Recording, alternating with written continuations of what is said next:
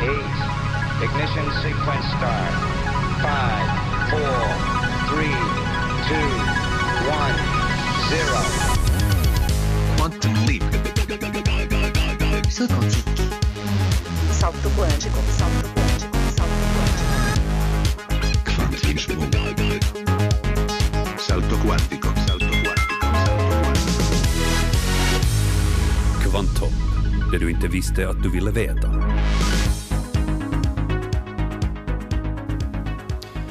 En olycka har inträffat vid ett kärnkraftverk i närheten av Kiev i Ukraina. Den sovjetiska nyhetsbyrån TASS meddelade cirka klockan 25 före 9 finsk tid om olyckan som hade inträffat vid kärnkraftverket Tjernobyl i närheten av Kiev. Det här är de första sekunderna av den extra TV-nyhetssändning på svenska som rundradion satte in sent på måndag kväll den 28 april 1986, det vill säga för 30 år sedan, med anledning av kärnkraftsolyckan i Tjernobyl. Vi ska ägna hela dagens kvanthopp i Radio Vega åt den händelsen. Det blir nygjorda intervjuer och reportage som Svenska Yle har producerat de senaste veckorna. Det blir nyhetssändningar från olycksåret 1986 och det blir musik från den tiden, respektive musik som har inspirerats av Tjernobyl-olyckan. Själv var jag 13 år den våren och minns mest hur min mamma i Västnyland och moster i Österbotten delade bekymmer över trädgårdsodlingen och vad det skulle innebära för den kommande sommaren med tanke på nedfallet.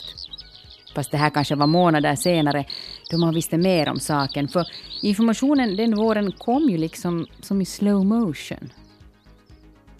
Många av er som lyssnar just nu har ju säkert tydliga minnen av de där vårdagarna för 30 år sedan.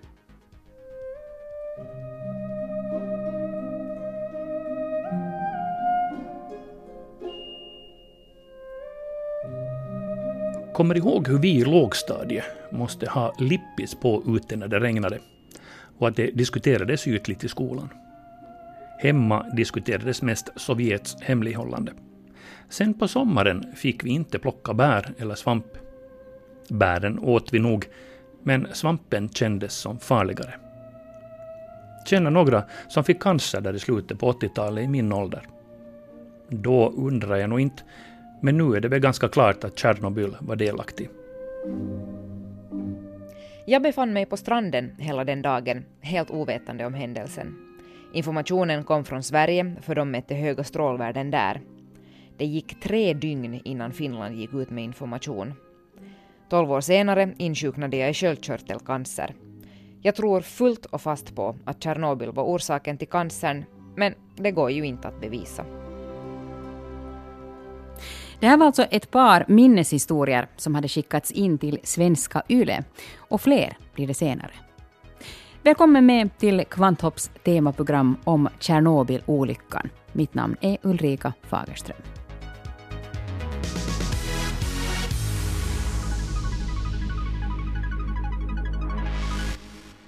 För att nu inledningsvis få lite en känsla av hurdant liv man levde i Finland våren 1986 så kan jag nämna att i TVn så gick det utländska serier som MacGyver och Moonlighting. Till middag åt man kanske självgjord pizza med malet kött eller om det var bråttom så en av de små runda snabbpizzorna som blev populära på 80-talet. Och till efterrätt sjönk det kanske ner en mockaruta eller två.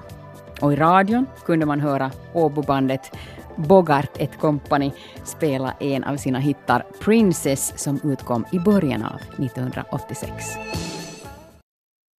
Och du lyssnar på Kvanthopp i Radio Vega som idag handlar om Tjernobyl-olyckan år 1986. Själva olyckan inträffade ju den 26 april i Ukraina, cirka 160 kilometer norr om huvudstaden Kiev, i anknytning till staden Pripyat men det var först två dagar senare som informationen om vad som hade hänt spred sig över världen. Molnet kom först, kan man säga. Men vi stannar ett ögonblick vid själva olycksdagen. Olyckan inträffade på morgonnatten den 26 april och under dagen den 26 arrangerades en demonstration i centrum av Helsingfors och gissa mot vad? Jo, mot det påtänkta nya kärnkraftsbygget i Finland. Och det här alltså helt utan att någon ännu då visste om vad som hade hänt cirka 1200 kilometer längre söderut. Visst är det nu lite ironiskt. Så här lät en rapport om demonstrationen. Och det här är alltså ljudet nu av en nyhetssändning i TV. Motsvarande material från radiosändningarna finns väldigt dåligt bevarade, så därför utnyttjar jag nu TV-arkivmaterial i dagens program ganska mycket. Men så här alltså, mitt på dagen i Helsingfors den 26 april 1986. Ett par tusen demonstranter marscherade idag genom Helsingfors för att protestera mot planerna på ett femte kärnkraftverk i Finland. Demonstrationen slutade med ett möte på Senatstorget, men före det hade demonstranterna marscherat förbi både riksdagshuset och Imatran Voimas huvudkontor. Bakom marschen stod 25 medborgarorganisationer, men det enda politiska partiet som visade upp sig synligt var Landsbygdspartiet. Demonstrationens slagord betonade faran med att koncentrera makten och energiproduktionen i samhället. Varför går ni hela familjen med i det här är min kusins flickor och det där, hon själv har varit aktivt med här i den här, det här arbetet mot kärnkraften och det där. Jag själv har också tre små barn och det där och tänker på, främst på barnens framtid. Är det någon vits att gå med i en sån här demonstration? Nu känns det emellanåt ganska hopplöst men jag tycker att man inte ska ge upp om man en gång tror på den här saken. Har de politiker ni röstar på jobbat för eller emot kärnkraften? No, jag, jag minns inte nu hur, hur det där, det här som jag har röstat på har ställt sig i den här frågan men att vid inkommande val så tänker jag nog försäkra mig om att, att den person jag röstar på är emot kärnkraft. Bland dem som talade vid mötet på Senatstorget fanns författaren Märta Tikkanen och den kända svenska antikärnkraftsexperten Åsa Moberg. Vad anser ni att er viktigaste uppgift här på det här demonstrationsmötet är? Ja, ja, för min del anser jag att det är att berätta om hur kärnkraften verkligen utvecklas i världen. Jag följer det på arbetstid och jag, jag vill alltså sprida upplysning om hur stora problem det är med kärnkraften i världen och att det här faktiskt är en föråldrad teknik som av praktiska, politiska och ekonomiska skäl är på väg att överges i, i de flesta länder.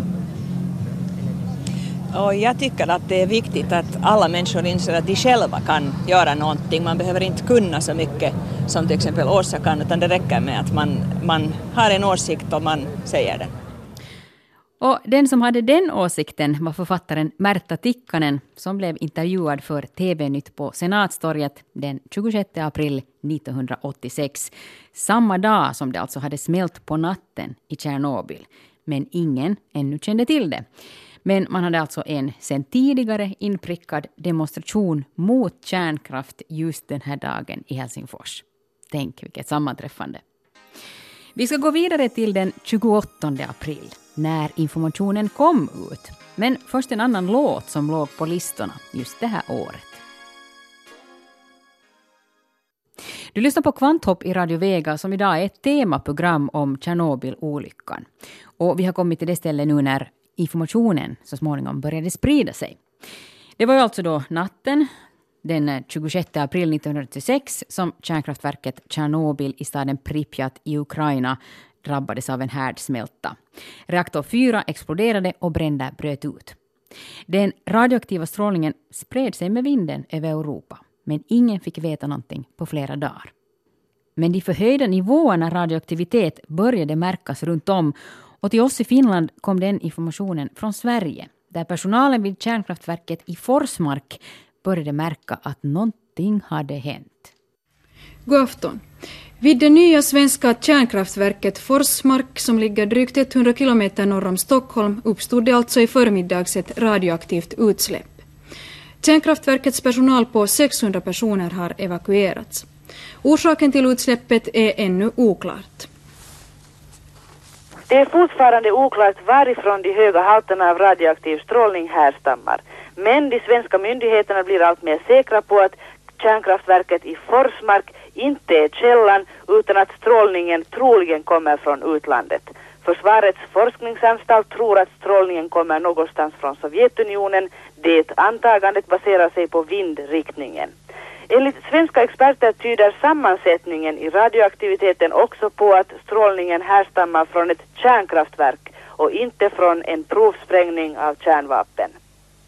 Utsläppet upptäcktes i morse då strålning uppmättes på marken och i träden runt kärnkraftverket i Forsmark som ligger ungefär 150 kilometer norr om Stockholm. Därefter har högre halter än normalt av radioaktiv strålning uppmätts också på andra håll i Sverige, bland annat i Stockholm. Hela personalen vid kärnkraftverket i Forsmark, förutom driftspersonalen, evakuerades och har nu undersökts, men man har inte kunnat konstatera för höga halter av strålning i deras kläder.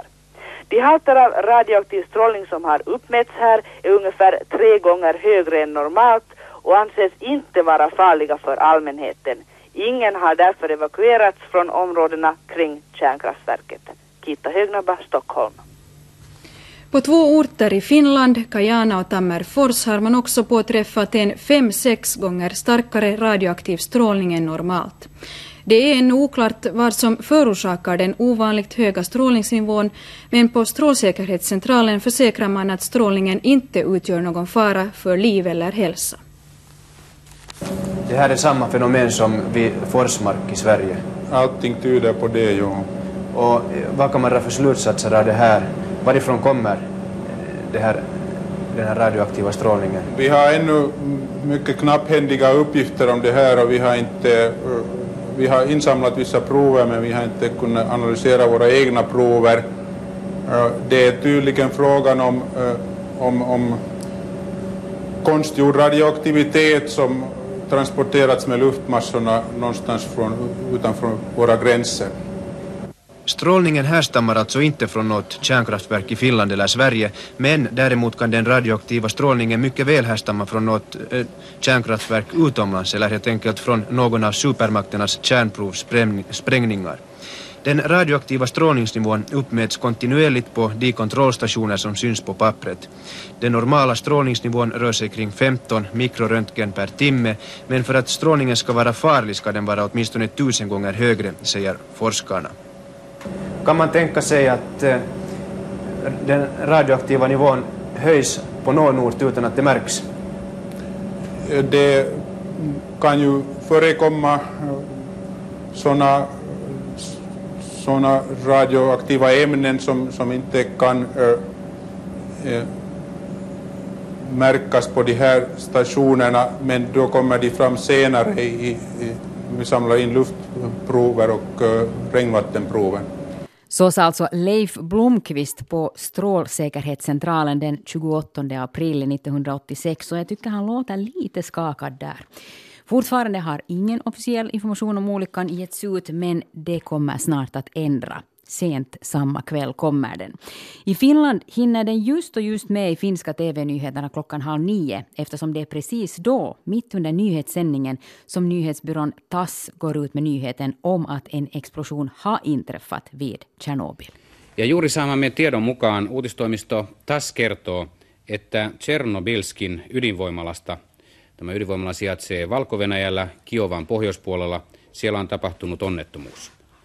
Tämä on todennäköinen syy Suomessa ja muissa Pohjoismaissa todettuun kohonneeseen radioaktiivisuuteen. Sain tässä juuri lisää tietoja, mutta ne ovat suurin piirtein samoin mitä äsken luin. Tassin mukaan onnettomuus on vaatinut... Ja, det är lite spännande när man hör viskande röster sådär vid sidan om. Tekniken i nyhetsstudion för 30 år sedan var ju lite annan, så folk sprang faktiskt sådär med papper och sprang och sa saker och, och sånt.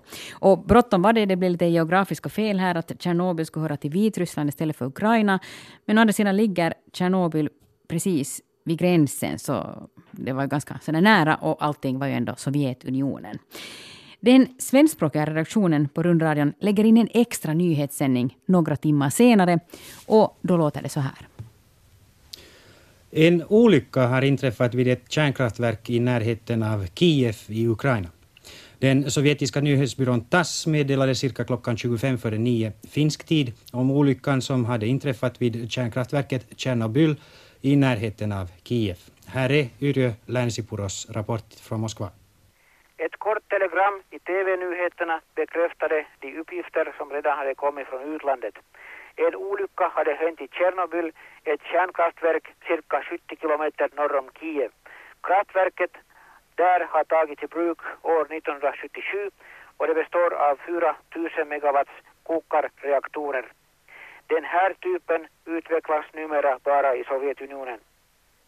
Kraftverk i Leningrad och Ignalino i Latvien är av samma typ. Däremot hör till exempel Lovisa till den andra huvudtypen till tryckvattenreaktorer. Nyhetsbyrån TASS kom omedelbart efter meddelandet om olyckan med en liten bakgrundshistoria som säger att detta är första gången som någonting liknande händer i Sovjetunionen. TASS hänvisar till många motsvarande händelser i utlandet, också till Harrisburg år 79 i USA. Det förekommer inte någon eh, diskussion om kärnkraftens säkerhetsaspekter i Sovjetunionen. Kärnkraften intar en mycket central plats i energipolitiken och det finns cirka 50 fungerande kärnkraftverk i landet. Ja, här i studion har jag med mig specialforskare Leif Blomqvist från Strålsäkerhetscentralen. Vi vet alltså att den radioaktiva strålning som har uppmätts här i Finland är flera gånger större än normalt. Vad säger det om olyckan i Tjernobyl? Det är omöjligt att på grunden av den informationen sluta sig till vilka strålnivåer som, har, som, som de har uppmätt där, men i varje fall måste det vara frågan om rätt, jämförelsevis stora mängder radioaktiva ämnen som har sluppit ut. En svår olycka? Antagligen, det får vi väl mera rapporter om senare. För en halvtimme sedan då ni lämnade strålsäkerhetscentralen, hade strålningen då minskat eller fortsatte den att öka? Situationen var den att på de här mätstationerna, i, det är främst fråga om stationer i, i mellersta Finland, i ett område där, så, så där man har upprätt två till sex gånger högre än normalt, så situationen har hållit sig ungefär stabil.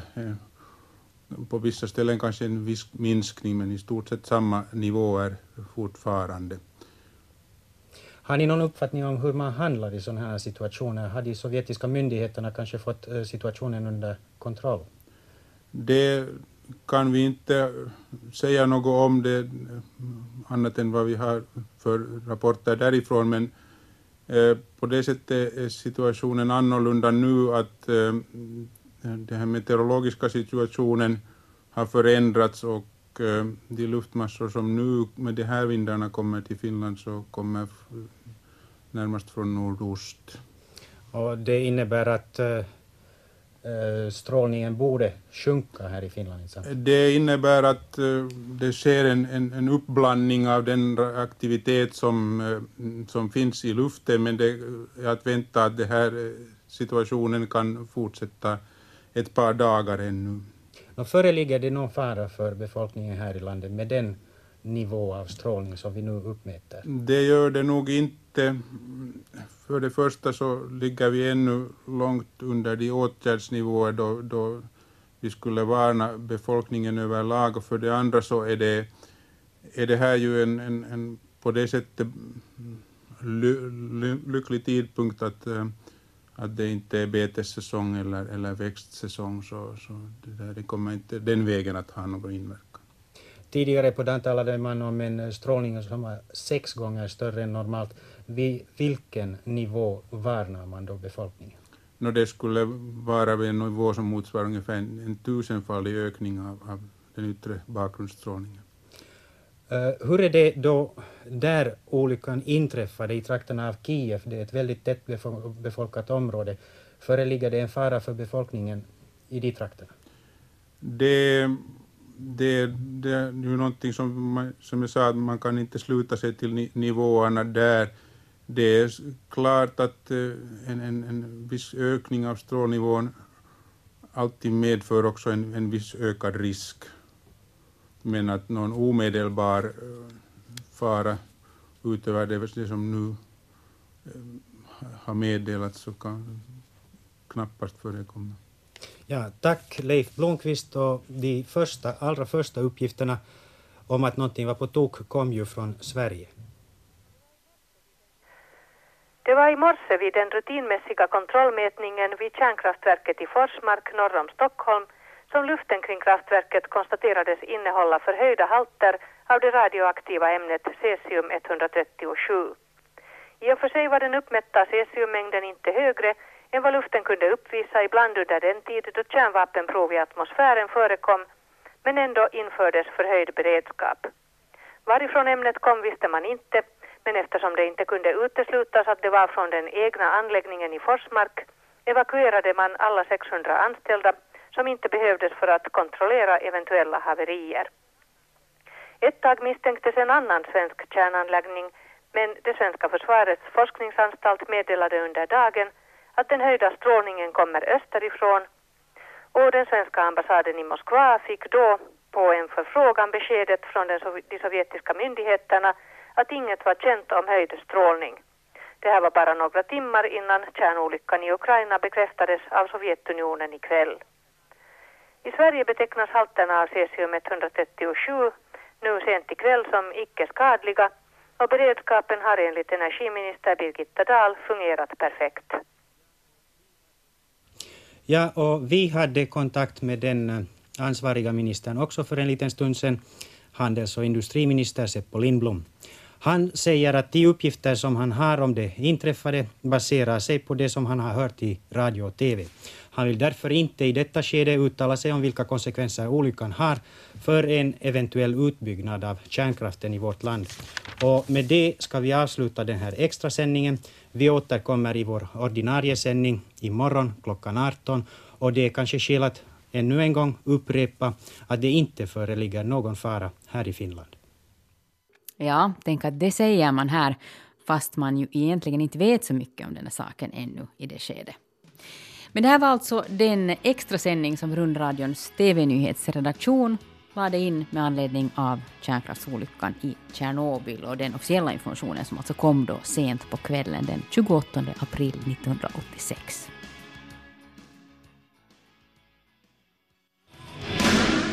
Big Country med låten Look Away från år 1986, det vill säga året då det smällde till i kärnkraftverket Tjernobyl, vilket alltså Kvanthopp i Radio Vega handlar om här idag. Look away, ja man kanske la huvudet i sanden lite i Sovjetunionen de första dagarna för informationen om olyckan kom först sent på kvällen den 28 april. Och eh, ja, sen började man förstå saker och ting. Och vilka konsekvenser det hade. Jag var fem år gammal när olyckan inträffade. Mitt enda tydliga minne är att jag hade ett litet lejon i manchestertyg som jag glömt ute och som jag aldrig fick leka med igen. Min mamma sa att det var för att det hade regnat på lejonet och jag minns att jag tyckte det var en så underlig motivering. Regnar gör det ju hela tiden och aldrig hade varit farligt förr. Vidden av det inträffade insåg jag egentligen först som 15-åring när jag läste tidningarnas återblickar inför tioårsdagen och grät. Min mamma berättade att det var en så varm vår det året. Gräset växte bra, men de visste inte om de skulle våga släppa ut korna på bete. Det här var en av minneshistorierna som skickades till svenska YLE häromdagen med anledning av 30-årsminnet av Tjernobylolyckan. Om vi tänker oss in i den här situationen de där första dagarna efter olyckan så är det nog säkert en och annan orolig förälder som sitter där framför tvn eller vid radioapparaten och hör om mer information. Det här får man veta den 29 april. God afton. Kärnkraft, äh, kärnkraftverksolyckan i Ukraina betecknas som den hittills värsta i historien. Enligt svenska och västtyska källor har en av reaktorerna i kärnkraftverket smultit och brinner nu våldsamt. Sovjetunionen har bett Sverige och Förbundsrepubliken Tyskland om experthjälp för att släcka branden. Officiellt har inga detaljer om olyckan getts, men Moskva-radion betecknade den idag som en katastrof. Inofficiella uppgifter säger att tiotusentals människor har evakuerats från olycksområdet. Att Sovjetunionen ber om hjälp från Sverige och Västtyskland talar sitt tydliga språk om att det har varit en allvarlig olycka, värre än man kanske trodde i början. Det tyder också på att branden fortsätter. Men officiellt vet vi ingenting nytt Vi vet att en reaktor på 1000 megawatt har skadats, men inte exakt hur. Vi vet att radioaktivitet har läckt ut, men inte vilken nivå den nått, till exempel i staden Tjernobyl eller i Kiev. Och vi vet att det finns skadade, men inte hur allvarligt och hur många. Och den 3 maj 1986, det vill säga en vecka efter olyckan, då låter det så här. Här hemma uppger Strålsäkerhetscentralen att de radioaktiva halterna från det olycksdrabbade kärnkraftverket, kärnkraftverket i Tjernobyl nu har nått sin kulmen. Trots att de radioaktiva halterna nu håller på att avta är strålningsvärdena fortfarande två gånger större än normalt. Variationer förekommer emellertid lokalt. I trakterna kring Nykarleby, Jyväskylä och Kotka har värden som är tio gånger större än normalt uppmätts. Norra Finland är däremot idag fritt från onormala strålningshalter, visar de färska mätningarna. Strålsäkerhetscentralen betonar att man gott kan dricka mjölk trots att mjölkens radioaktiva jodvärde är en aning högre än normalt. Efterhand blir folk mer och mer kritiska mot Strålsäkerhetscentralens sätt att informera. Den 7 maj 1986 då låter det så här. Strålsäkerhetscentralen har fått en hel del kritik, speciellt av de svenska myndigheterna, för den bristfälliga informationen. Ja, här på Strålsäkerhetscentralen har vi eh, undrat lite över att, att vi har blivit utsatta för kritik eftersom vi tycker att, att vi har varit i, eh, faktiskt i mycket kontakt med Sverige och att de har blivit informerade. Att informationen nu har börjat löpa också på annat håll fick vi exempel på idag. Helsingfors brandverk informerade nämligen om sin beredskap i dylika olyckor. Det har varit den första informationen, alltså först tio dagar efter olyckan, som man frågar sig varför först nu. Därför att uh, först igår så fick vi statliga direktiv angående information överhuvudtaget. Har det rått ett informationsförbud tills det här? No, inte direkt förbud, men att uh, man har rekommenderat att, att uh, inte på lokalt håll kon, kommentera på något vis själva strålningssituationen. Och det gäller det här förbudet fortfarande. Vem har kommit med de här direktiven? Det är inrikesministeriet. Nu visar den här mätaren att det i Helsingfors råder en 0,045. Hur hög har den här radioaktiviteten varit i Helsingfors? Det är just en sån fråga som jag inte får kommentera. Varför inte? Därför att det är endast statliga äh, ämbetsverk som kommenterar den här. Har den varit högre, halten, än den är idag? Den har varit lite högre. Hur mycket? Inte så mycket att vi skulle haft äh, orsak att, att alarmera eller, eller ens vara befolkningen. Ja, när man hör de här gamla nyhetssändningarna som vi har hört utdrag ur nu här i dagens kvanthopp i Radio Vega så känns det som att samhällsberedskapen var rätt så haltande år 1986. Hoppas den beredskapen idag skulle vara betydligt bättre om någonting motsvarande skulle hända. Nu ska vi kombinera historia med nutid. Ann-Charlotte Åkerholm har träffat Natalia Storm som idag bor i Korsholm men som när det smällde i Tjernobyl var en av ingenjörerna som jobbade på kärnkraftverket. Eller, ja, hon hade alltså en sagolik tur, för just den dagen jobbade hon inte, tack vare sin dotter. Natalia Storm var en av de unga lovande ingenjörerna som arbetade på Tjernobyls kärnkraftverk i april år 1986. Hon levde ett lyckligt liv i Pripet med sin man och deras treåriga dotter. Man var ju ung specialist och vi hade eh, jättebra eh, arbete, jättebra arbetsplats, intressant arbete, jättevacker stad. Och när jag fört min dotter till dagis på morgonen och sedan väntade på bussen så sjöng jag av lyckan och tänkte men mamma mia vad jag har för arbete. Natalia har sin dotter att tacka för att hon lever idag. Hon skulle nämligen ha arbetat på turbinavdelningen i kärnkraftverket just den natten då olyckan skedde. Min dotter var förkyld. Hon fick feber. Så jag stannade hemma. Och nä nästan alla mina kompisar lever inte mera. En del av stadsborna vaknade av en smäll. Natalia hörde inget men hon var gravid, mådde illa och gick ut på balkongen. En sak som jag reagerade på, det var som luft var som efter åskväder. Riktigt som högioniserad. Det var riktigt, riktigt frisk luft. Som frisk luft var det. På morgonen var det ovanligt varmt. Dottern var frisk och allt var nästan som vanligt när de gick ut. Massor med soldater gick runt på gator och spola med vatten och så hade de gasmasker. Men vi, vi tänkte att, först tänkte jag att det eh, no, en sorts övningar. När jag gick morgonen till min väninna som just jobbar på Derator, så det var inte hemma. Så då började jag lite fundera, så gick jag till en annan, så det var också borta. Och när jag kom hem, jag hade dotter med mig, och när vi kom hem så min man sa, han inte sa han riktigt, ropa, var springer ni? Ni ska, vara, eh, ni ska hållas hemma. Det är olycka på kärnkraftverken. Natalias arbetskompisar som var i skift under olyckan fördes till sjukhuset och avled senare. De jobbade in i det sista utan skyddsutrustning för att begränsa branden. Det var ju massor med olja. De försökte tömma för att det skulle inte explodera. Så de har inte tänkt på strålningen. Så personalen som var där, det var riktiga hjältar.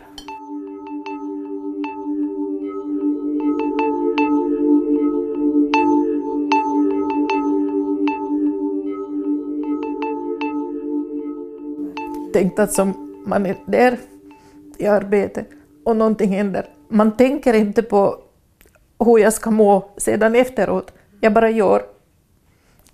Gör allt vad jag kan. Och sedan då jag dör så ser de att då var jag skyldig. Så var det från början att de har sagt att det var personalens fel. Det blev ännu mer tårar.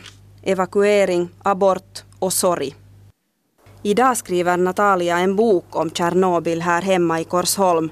Hon arbetar numera som lifecoach och tänker inte söka jobb vid kärnkraftverket som byggs här i Österbotten. Nej, jag trivs så bra med mitt arbete som coach så jag, jag behöver inte. Det var som en kapitel av livet som erfarenhet mm. som jag skaffade, som gjorde mig starkare. Så alltså Natalia Storm, som numera då är bosatt i Korsholm. Hon intervjuades av Ann-Charlotte Åkerholm. Här i Kvantum ska vi alldeles strax höra om hur det ser ut i Tjernobyl idag, 30 år senare. Susanna Sjöstedt har varit där. Eh, men innan dess så ska vi lyssna på ett musikstycke som eh, är det första som återfinns i Yles arkiv med Tjernobyl som tema. Och det här är alltså den polska rundradioorkestern i Krakow som framför det här stycket och det heter helt enkelt Tjernobyl. Från år 1987.